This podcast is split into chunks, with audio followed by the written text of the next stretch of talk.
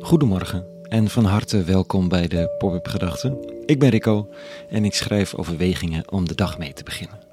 Vandaag met de titel Dorst en Verlangen. Pop-up Gedachten woensdag 14 juni 2023.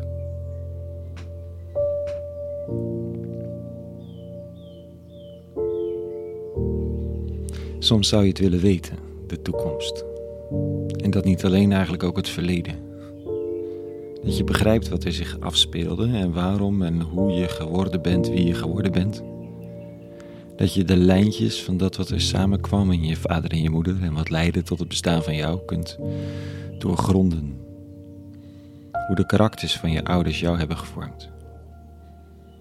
En dan niet alleen het weten, maar het begrijpen, het inzicht en de zachtheid die daarbij hoort. Of de woede over beroerde keuzes, maar dan een woede met een zuiverheid die niet alleen gaat over het gekrenkte kind, maar over het onrecht aan zich. En de toekomst? Een beetje vertrouwen in morgen, in de tien jaar die komt, of zelfs maar de twee jaar. Een beetje ruimte in je hart voor het leven dat zal volgen. Met partner, zonder partner. Zonder partner wat verwoestend kan zijn voor het vertrouwen nu. Het zoeken van een partner. Zeker als je jezelf eigenlijk al niet echt jong meer vindt.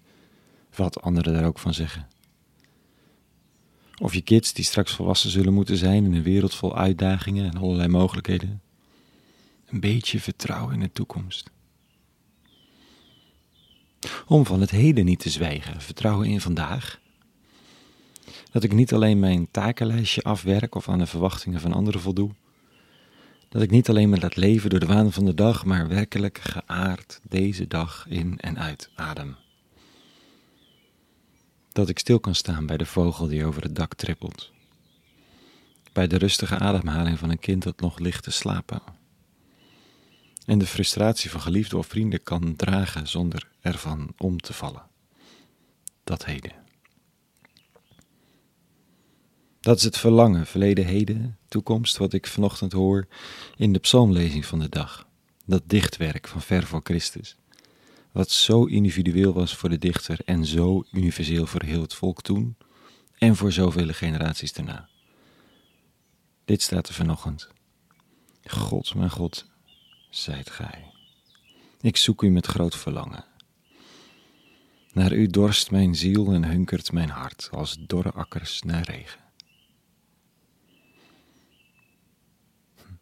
Of je jezelf nu definieert als gelovige of ongelovige, dit gevoel, hoe je het ook adresseert, dit verlangen naar inzicht, goedheid, gezien zijn en geest in en door deze werkelijkheid. ik zou wel willen geloven, zegt iemand. Ik ben gewoon soms een beetje zelfs jaloers. Met twijfel kijk ik op naar de ander die dit zegt, alsof ik het allemaal geloof. Hoe zou je jaloers zijn op iets wat ik ook soms maar weet? Maar toch, het is een uitdrukking van dit verlangen. Geloof ik het? Het kenmerk van de gelovige is misschien wel dat hij weet het zo vaak niet te geloven. Dat je kijkt naar je eigen leven en keuzes en afwegingen gedurende de dag en beseft dat je er meestal niets van gelooft. Dat keuzes voortkomen uit zelfbehoud, uit angst, uit de behoefte te willen pleasen of dat schouderklopje te krijgen van de ander of om je identiteit verder uit te bouwen en een plek te veroveren in de wereld. Allemaal niet erg, hè, per se.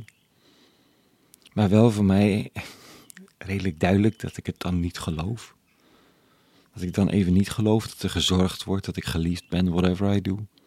Dat de wereld gedragen wordt en ik uitgenodigd ben onderdeel te zijn van een beweging. Dat ik geen naam hoef te maken, op geen enkele manier, want er is mijn naam gegeven. Dit is misschien wat besef van de gelovige dat hij het meestal niet gelooft. Niet echt. En dan heel soms wel even. En dat dit even weer ruimte geeft voor nieuw leven. Heel soms even gedragen, even geliefd, even opgetild en gezien. En dan door kunnen.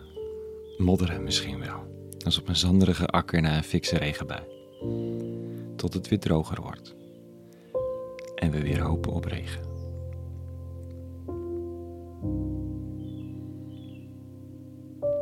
Tot zover even vandaag over akkers, regen, modder, aarde en verlangen. Een hele goede woensdag gewenst. En vrede en alle goeds.